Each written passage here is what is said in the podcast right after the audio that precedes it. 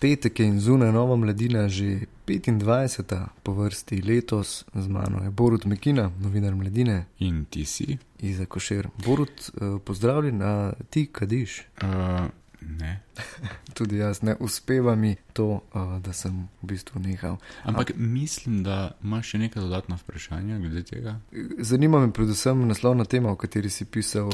Mladina izgleda kot neka znana škatlica cigaret rdeče, bela. Pisal si pa o tem, da si je tobačni lobby podredil koliko poslancev in kako jim je to uspelo? Mislim, da 38, neverjetno. Ko smo uh, leta 2016 pisali o tem, ko se je to začelo, smo opazili, da so tobačne multinacionalke plačale različne raziskave in dejansko na ta način potem si recimo podredile določene službe. Pripričale so skoraj da eh, zakonodajno pravno službo parlamenta ali pa recimo na svojo stran so dobile določene stališča finančnega ministrstva pa gospodarskega. To je bilo takrat. To, kar pa je bilo zdaj, to pa je pravzaprav neverjetno. Skupina poslancev je predlagala zamik, sicer zamik. Eh, uvedbe enotne embalaže, to je strah in trepet za tobačno industrijo. Povsem očitno gre to v korist eh, njim. Tisto, kar pa je zanimivo, je, ne, da so v tem predlogu zakona ti poslanci dobesedno prepisali noter dele lobističnega gradiva. Ne. To je tisto, kar je šokirajoče.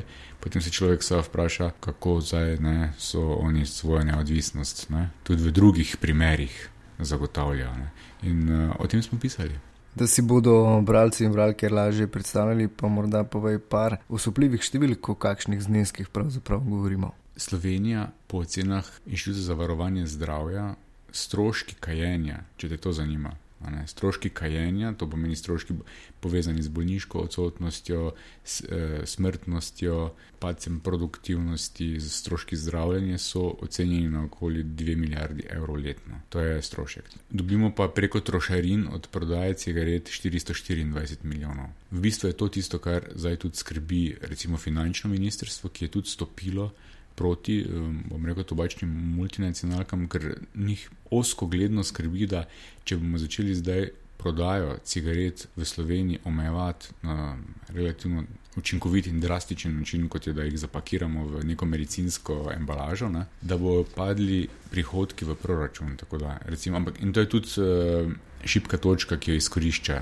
Izkoriščajo ta podjetja, to je tudi način, na katerega so pridobila na svojo stran poslance. Kaj pa je pravzaprav s to enotno embalažo, ki so jo že uvedli in uh, kakšni so bili učinki? Pri tej enotni embalaži je tako, da recimo tobačna industrija z študijami in študijami in študijami, ki jih oni plačujejo, več čas dokazuje, da je neučinkovita. Da je neučinkovita, da nič ne vpliva na zmanjšanje kajenja, da povzroča k večjemu črni trg in tako naprej. Vprašanje tukaj je lahko samo ironično, ne? če res je tako neučinkovita, zakaj se potem tako trudijo. E, v resnici pa je to neka zaveza, ki so si jo države zadale pri Svetovni zdravstveni organizaciji, ki to priporoča in počasi to vpeljujejo vse države. Mislim, da je več kot 30 se jih je že zavezalo, da jih bo ali pa jih je že uvedlo. V Evropi je to, kaj znam, od Francije, Velike Britanije, prva je bila Avstralija. Je, Avstralija jo že ima šest let in pol, in raziskave tam kažejo, da je padec kajenja enkrat večji, kot je bil trend prej. Predvsem pa, kar je bistveno, tudi recimo v Franciji ugotavljajo, da se je to poznalo pri mladih, ne, torej pri tistih, ki prvo vstopajo, ki prvi imajo kontakt z brandom. Ne, brend poznaš, kavbojc, ne, veš, ne, in pa si misliš, wow, bom jaz tudi kavbojc, bom, ne, moram imeti čik, ne. Tisti starejši, ko so že navajeni, so že avt, ne, tako rekoč, ti, te so že trdno prepričani, da morajo, kaj ti karkoli, ampak to se pozna predvsem pri mladih in tam je učinek učiten, ne. Tako da recimo Svetovna zdravstvena organizacija govori, da je to najbolj poceni in najbolj učinkovit ukrep, ki ga lahko države eh, vpeljejo. To bi, bilo, to bi bilo vse ok, če bi mi zdaj o tem debatirala, bi to bila lahko zanimiva debata, ne? ampak v tem, kar pa mi pišemo, pa je dosti bolj drastično. Ne? Eh, to pa je, da so poslanci lobistično gradivo in vzeli kot kaj bi rekel, suho zlato, ga prepisali eh, v zakon, to pa je že en korak več od te debate. Več pa si lahko preberete v novi mladini, ki jo boste tokrat res težko zgrešili na prodajnih policah, uh, morda jo boste celo zamenjali za škatlico cigaret uh, na Za, naslov. š- za, za dve šteki. Za dve šteki ali pa mogoče še malo več, ker je kar velika. Na naslovnici pa so tudi imena vseh poslancev in poslank, ki so padli v ta, kako bi temu reklo, Pod zli vpliv pod zli na vpliv. temno stran parlamentarizma. Tako, povej, kaj si lahko bralci in bralke preberejo še v novi mladini, poleg tvojega obsežnega članka. Omenil bi tri teme, brez da bi šla v detajle.